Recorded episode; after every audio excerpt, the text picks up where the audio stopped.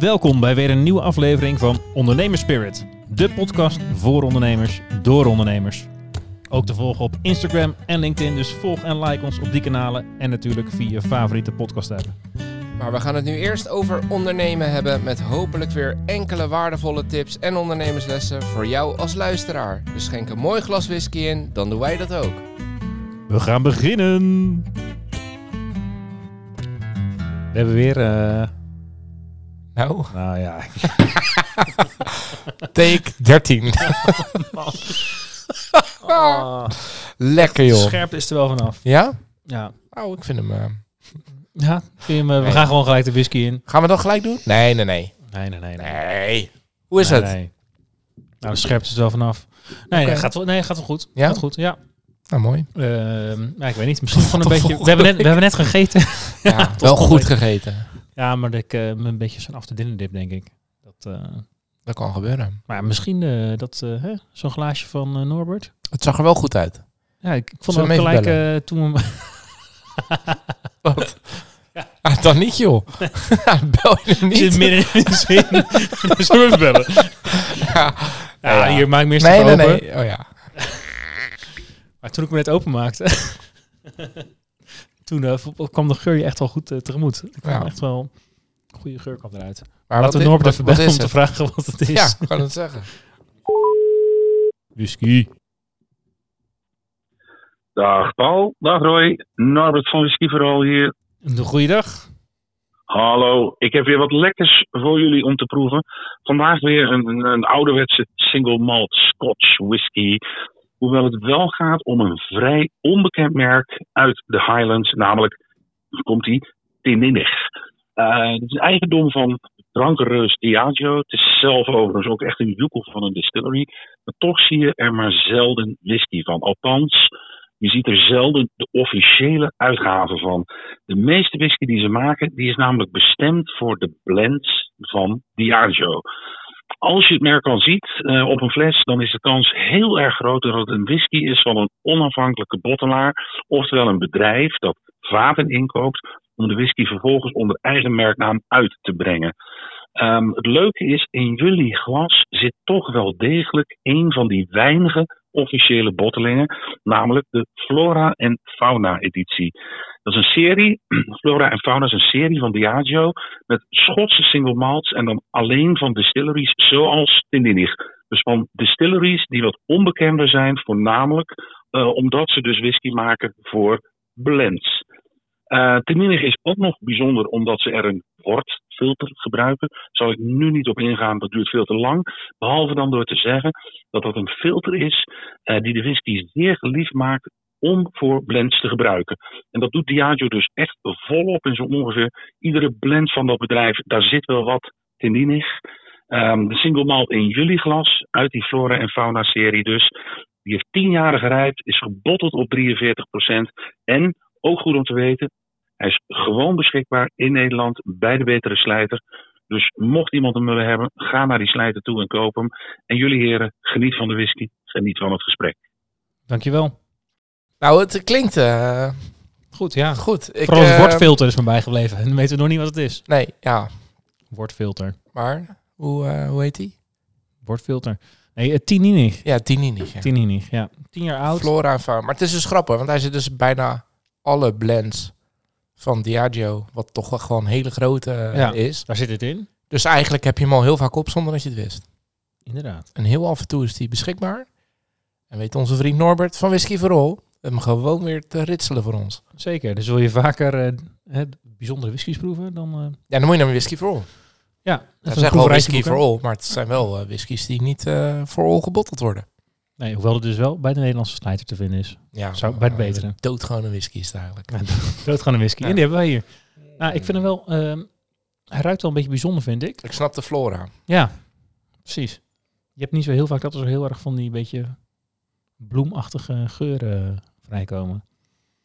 Welke fauna ruik jij? Ik krijg geen fauna. Nee, hè? Nee. Welke flora ruik je? Tulp. nee, weet ik veel. Kan ook omdat het een tulpglaasje zit. Nou, Ja, maar hij ruikt echt heel eh, fris en bloemig. ja, ik ga hem gewoon proeven. Nou. Kleurtjes. eh, Echt heel licht. Witte wijn meets dubbel fris. Ja. Ja. Ja, echt heel licht inderdaad. Dat valt wel echt op.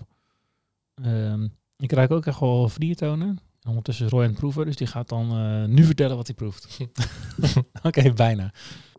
Ik, ehm, zo.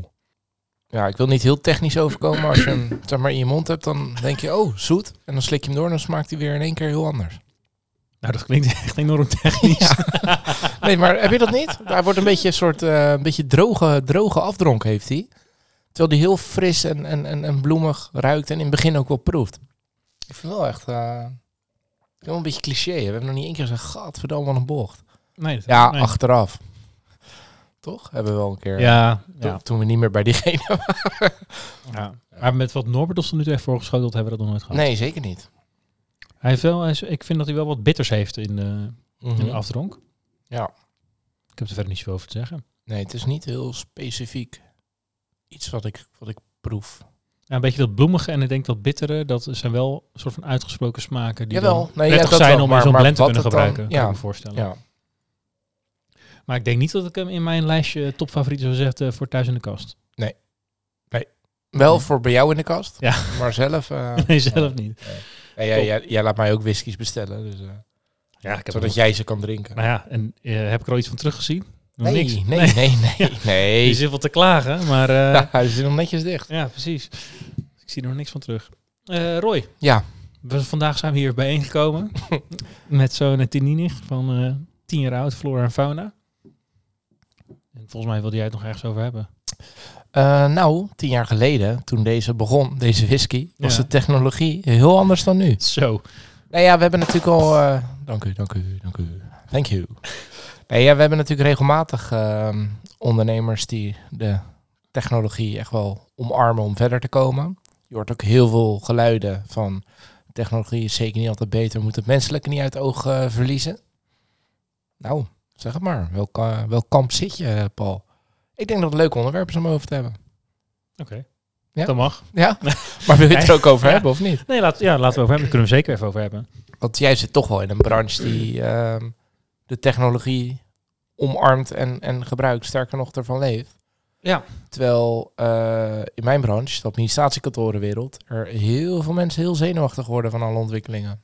Ja, ja je kan. Eh, ik heb het nog niet geopend en bekeken, maar er is dus eh, volgens mij één deze dagen een. eh, oh ja, dit wordt natuurlijk over een tijdje eh, komt het pas op Spotify. Maar Hele tijd geleden. Gelukkig nieuwjaar trouwens. Gelukkig nieuwjaar Ja, trouwens, ja.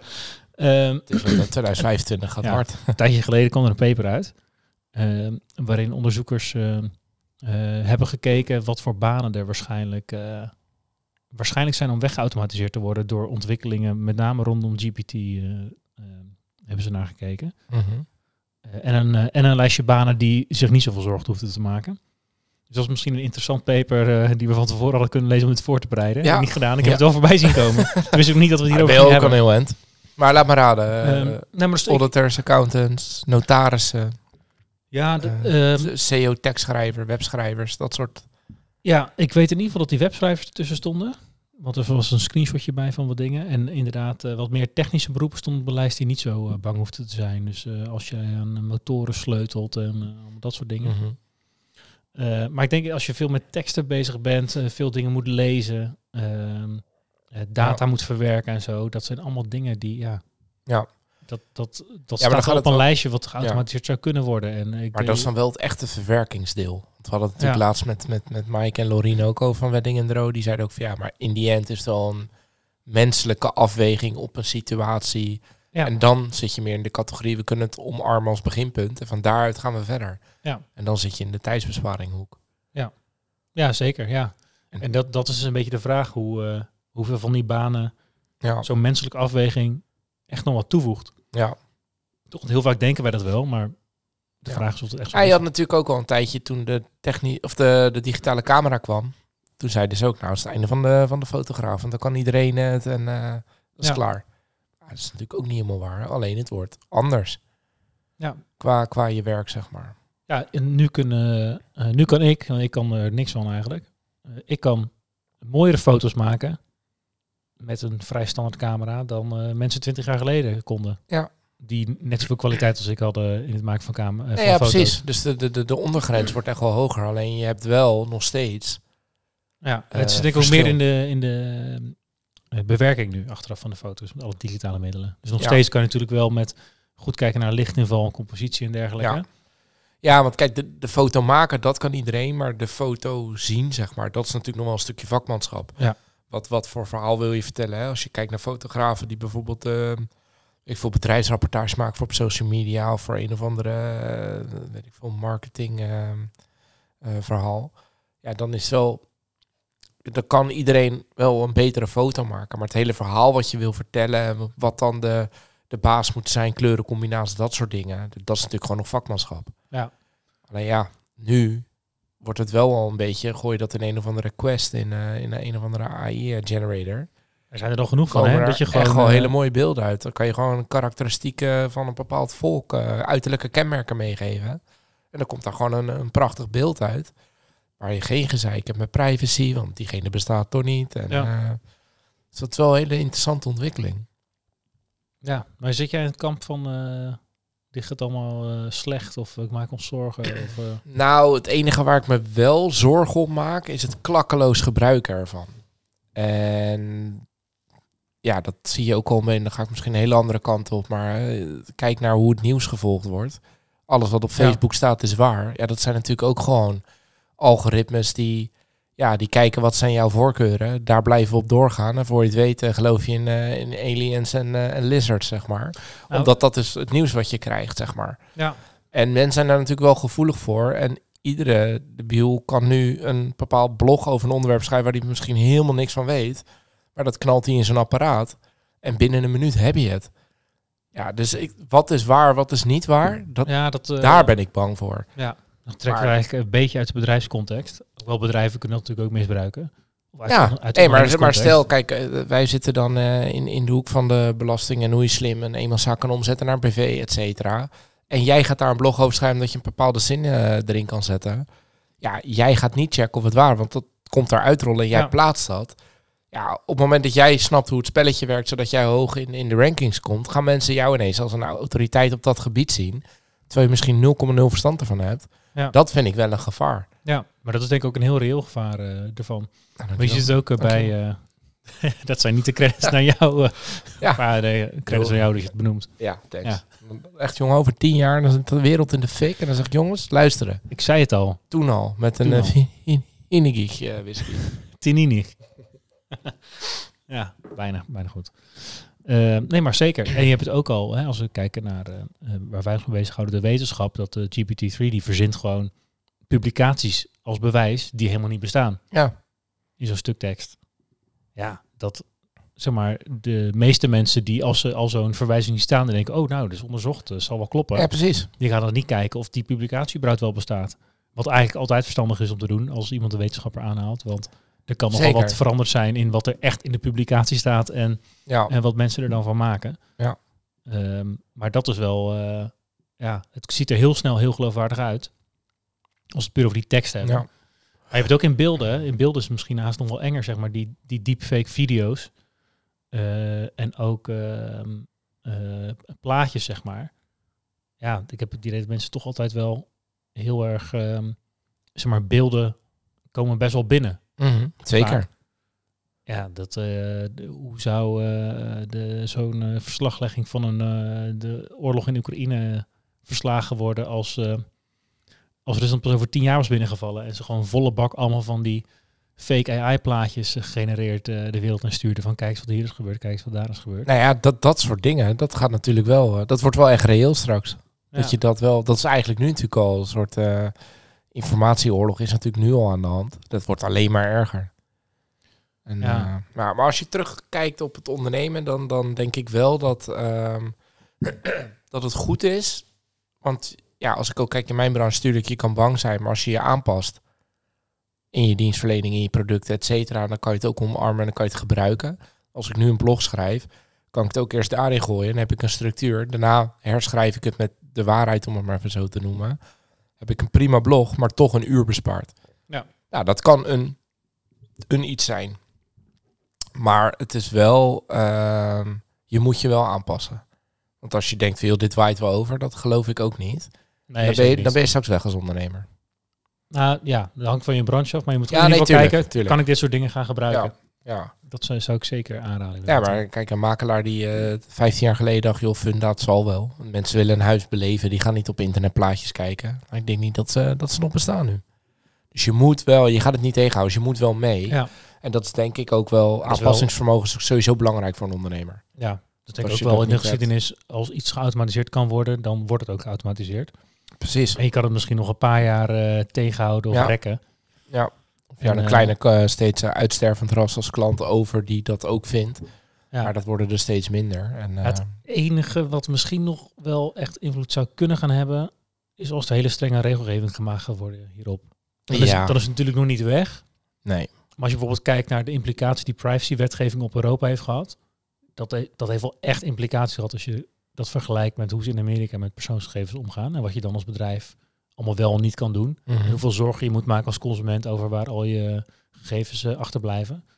Dat is nu in Europa toch echt wel heel veel beter geregeld dan daar. Ja, Eh, en dat als, hè, als, als ondernemer levert dat soms heel veel issues op. Dat je heel veel moeite moet doen omdat die privacywetgeving er is. Waarvan je denkt van ja, is dat nou echt zo relevant in deze context? Maar goed, dat, ja.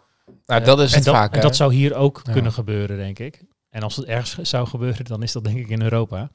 Ja. Eh, omdat die daar denk ik iets, eh, ja, iets meer over nadenken. Ja, of wat misschien wel banger voor zijn dan ze dat in Amerika zijn. Eh, maar dat zou wel nog wel significant invloed kunnen hebben. Ja. Ik denk, pak even die privacy als voorbeeld. Want dat, daar zie ik nu dat dat impact heeft. Ja. Nee, ja, dat, dat, dat is ook zo. Kijk, en we doen nu heel erg op, op AI inzoomen, maar het is natuurlijk eh, van alle tijden hè, dat, dat dingen zich doorontwikkelen en, en technologie eh, zich blijvend ontwikkelt. En ik denk wel dat je in welke branche je ook kijkt, dat uiteindelijk de ondernemers die zich aanpassen aan de nieuwe mogelijkheden, dat die blijven bestaan.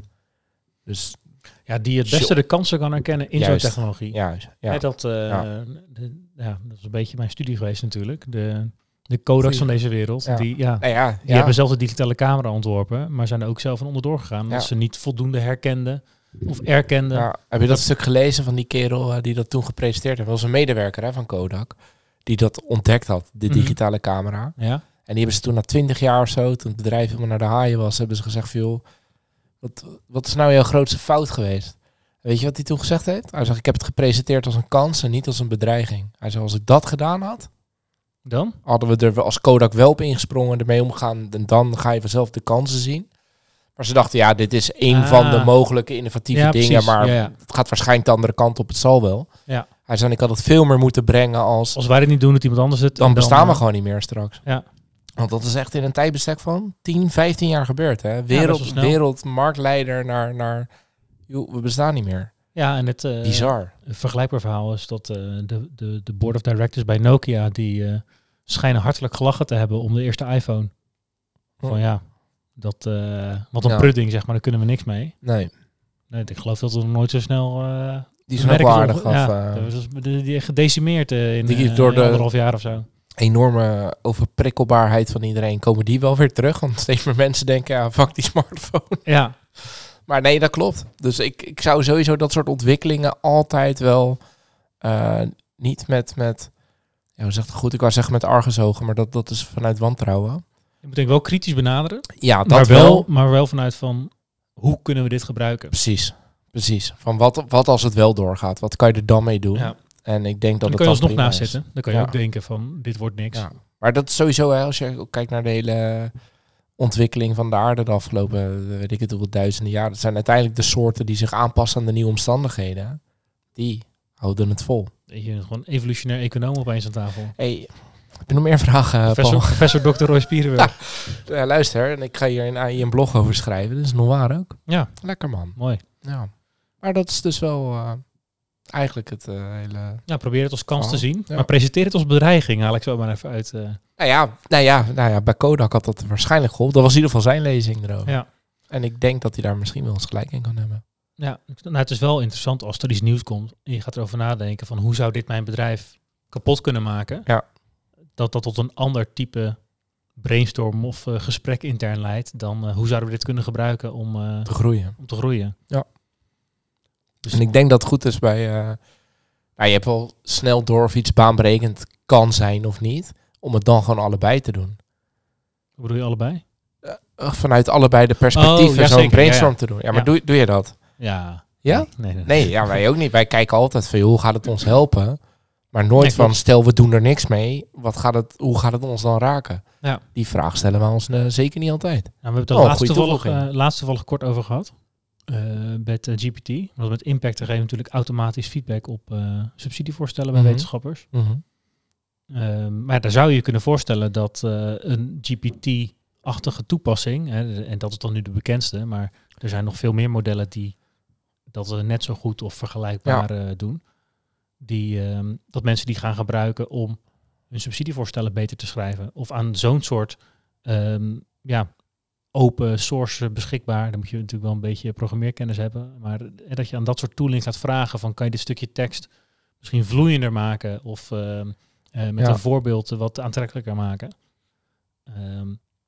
En dus dat zou je ook als bedreiging kunnen zien. Maar je zou het natuurlijk inderdaad ook als kans kunnen zien. Van kunnen we dan niet Ja. een, deel daarvan Ja, misschien in ons platform inbouwen. Dat precies, al die, die, die suggesties kennis geven. is blijkbaar ergens. En die kan je dan wel op één plek krijgen en, en optimaliseren. Ja. Maar ja, dan, dan, dan zie je het als kans. Ja. Maar je moet ook zeker wat mee. Als je er niks mee doet, ja, wie gaat dan nog jouw platform gebruiken? Ten opzichte van, hé, dat is gratis en dan is het voor 80% goed. Maar ik ga wel eerst dat proberen. Ja, maar dat is dus wel... Hè, waar wij in zitten is 80% goed niet goed genoeg. Dan heb je geen geld. Dus zeg maar, iedereen zit daar wel heel erg gefocust op. Het moet perfectie benaderen. Ja, Want- ja oké, in jouw branche wel. Maar Ja. stel, eh, je bent SEO-schrijver voor webteksten. Nou ja, tuurlijk. Nee, in heel veel gevallen is 80% goed genoeg, absoluut. Ja, sterker nog, als iedereen dat soort eh, ChatGPT-achtige teksten maakt, dan zijn alle websites daarmee gevuld. Ja, dan wordt dat eh, de nieuwe ranking en methodiek van Google. En die is zelf toch ook bezig met zo'n... Als eh, eh, Google nog eh, bestaat eh, op de manier zoals ze het nu doen. eh, ja. Ja, weet ik ook niet. Dat, ehm, Ik denk dat die wel eh, nagedacht hebben met een brainstorm sessie over eh, wat als het ons bedrijf kapot gaat maken. Denk je niet? nou, de, Denk je dat ze arrogant genoeg zijn om te denken, joh, eh, wij zijn Google, we zijn zo groot. Google heeft dit, die ging opeens ook dit soort modellen implementeren toen Microsoft eh, een belang in OpenAI kocht van ChatGPT. En dat ging integreren in de Bing zoekmachine. Ja, Nou heb ik eh, nog van weinig mensen gehoord dat ze daardoor zijn overgestapt naar de Bing zoekmachine. Maar de, Ja. Google heeft daar wel wat laten liggen de afgelopen jaren. Die hebben dat denk ik onderschat hoe, eh, Ja. hoe hard dat zou kunnen gaan. ja, of zijn ze op de achtergrond bezig met weet ik het wat. Nou ja, tuurlijk. Ze zijn, ze zijn ook Ja. op de achtergrond bezig. Maar zij hadden dit al eh, drie, vier jaar geleden hadden zij dit soort modellen ook al kunnen toepassen. Oké. Want wat nu zo bekend is geworden, GPT-3, er was ook al een 2 en een 1. Ja, nee, ja, precies. En die waren niet zo goed. En Maar vier is binnenkort, toch? ja, ja daar, daar kon je ook al mee testen inderdaad. Ja, nou, misschien een nieuwe, nieuwe code. Dan leren we onze kinderen later van, wij zochten vroeger op Google. Ja, Dat was zo'n platform, daar kon je bijna alles vinden. ja, het zou Ja. kunnen, je weet het niet. Het kan hard gaan, maar één ding weet ik wel. Als je geen rekening houdt met ontwikkelingen, dan ga je het niet redden als ondernemer. Welke Zeker. branche je ook zit. ja. Ja en ik denk dat wel de... Hè, gevaar is in de eh, ene branche reëler dan in de ander, maar dat is wel de conclusie. Van hier zo even conclusie. slap over ouwe hoeren. Is in ieder geval de, de insteek. Bekijk het als een... Wat zou het betekenen als het eh, mijn, eh, mijn bedrijf kapot zou maken? Ja. Hoe zou dat eruit zien? En zou ik iets kunnen doen om dat te proberen tegen te gaan? En hoe Ja. kan ik het als kans gebruiken? Maar dat je allebei die eh, insteken gebruikt. Ja, zeker. En als je daar ergens een sweet spot in weet te vinden, dan denk ik dat je goed bezig bent. Dat denk ik ook. Zullen we naar een sterk verhaal? Weet je wie er geen goede technologie heeft? Nou, Iedere loginstantie. Dat is een sterk verhaaltje, Paul. ja. Is het over mijn beurt? Ja. Once upon a time. Ja, we zeiden dat jij heel veel van die verhalen had. Maar volgens mij heb ik de vorige gedaan. En nu ga ik dus weer... eh, Ja. Ja. ja, ik ben een beetje trots op je dat je weer een voorbeeld ja. dat is het Geloof me, ik heb er ook wel een paar hoor. Ja, tuurlijk. Oké. En inmiddels zijn de instanties zo eh, ruk dat eh, we misschien ook wel kunnen Ja. overgaan tot allebei een issue per aflevering. Ja. Maar Misschien eh, moet de- het gewoon een kla de klaagzang-podcast worden. En dan gaan dat we zou nog kunnen, ja. ja. Maar de, de floor is yours. De floor is yours. Mine, ja. Laten we het beest gewoon met een naam noemen. De Belastingdienst heeft natuurlijk verschrikkelijke systemen. Ja. En de afgelopen weken, op het moment van opnemen weet ik eigenlijk nog steeds niet precies waar ik aan toe ben. Ehm, maar eh, wat er gebeurde, ik kreeg een eh, mooie brief op de mat. Eh, VPB voor komend jaar alvast betalen. En ja, hè, mijn fout, eerlijk toegeven. Die was ik even vergeten. Die was blijven, blijven liggen. Dat was de B2 vierde kwartaal, toch? Was B2, oh, dat was B2 vierde kwartaal. Ja, ja want oh, de. VB kan je termijnen betalen. Oh, ja, die dus kan je dat, mee. eh, Oh, ja, klopt. Ja, maar je ook een brief gehad, maar dan... eh, Wat een slecht verhaal zeg. Oh, maar dan klopt het wel. Ja, dan klopt het wel. Nee, dan heb ik niet gezegd. Roy, heb jij eh, sterk verhaal? Nee, dat is de B2 vierde. Ja, je had eh, gelijk. ja. Oh man. Maakt niet uit, Zie ik toch niet scherp, hè? uitschelen, joh. Die, eh, die Tininich, die heeft mij niet scherper gemaakt. Nee. Had er Nee. wel hoop op. Nee. Maar eh, nee, klopt. Nou, B2 echt, eh, vierde kwartaal. yours. Dus moest ik betalen. Ja. En eh, daar was ik iets te laat mee. Dat eh, zal ik eerlijk bekennen. Dat is mijn fout. Dus dan krijg je een boete. Dat is volgens mij een standaard eh, bedrag van 75 euro. Ja, 3% van het bedrag, Oh, nou ja. geloof ik. En zoveel, als je hem niet hebt ingediend, ook nog eens zoveel. Oh ja. ja. Ja. Maar goed, in ieder geval, 75 euro. Ja. Reken zelf maar uit wat eh, B2 was. ja, precies. Ehm, de, de, dus nou ja, hè, ik had ondertussen die B2 betaald. Toen kwam daarna die boete eroverheen. Dat is nou oké, dan betaal ik die ook apart nog. En toen eh, kreeg ik een brief dat die 75 euro binnen was en dat ik nog 2500 euro moest betalen. Eh, en een brief dat die 2500 euro eh, binnen was, maar dat ik dus die boete nog moet betalen. En die dingen die kruisten elkaar. Ja. Dus van, nou, ik zat ondertussen naar jou van, nou, leuk. dit, zijn dit, er weer. Dit wordt een leuk verhaal. dat, ja, dat zijn blijkbaar niet communicerende vaten binnen de Belastingdienst. Ehm, maar wat mij helemaal verbaasde, is dat ik dus nu een brief heb gekregen die eh, alles leek kwijt te schelden dat ik het weer terug ga krijgen. Ja, Want ondertussen had jij dus een eh, bezwaarschrift ingestuurd eh, hè, dat ik niet, bijna nooit te laat ben, eigenlijk nooit. nee, dit was de eerste keer. Ja, dus nou, dan wordt die boete vaak kwijtgescholden als je dat vaker doet niet. Dus ik had al ook een brief gekregen, die 75 euro krijg je terug. Ja, bezwaarsgegrond. Ja, bezwaargegrond. Maar nu kreeg ik dus nu een brief dat eh, eh, alles verrekend zou gaan worden. Ja. En, eh, maar dat zou heel raar zijn, dat ik opeens geen btw hoef te betalen over de kwartaal 4. Dat zou wel echt uitzonderlijk zijn als dat... Ja, eens. Ja, het, het is waanzin. Maar het zou me niks verbazen als jij binnenkort dat geld terug hebt.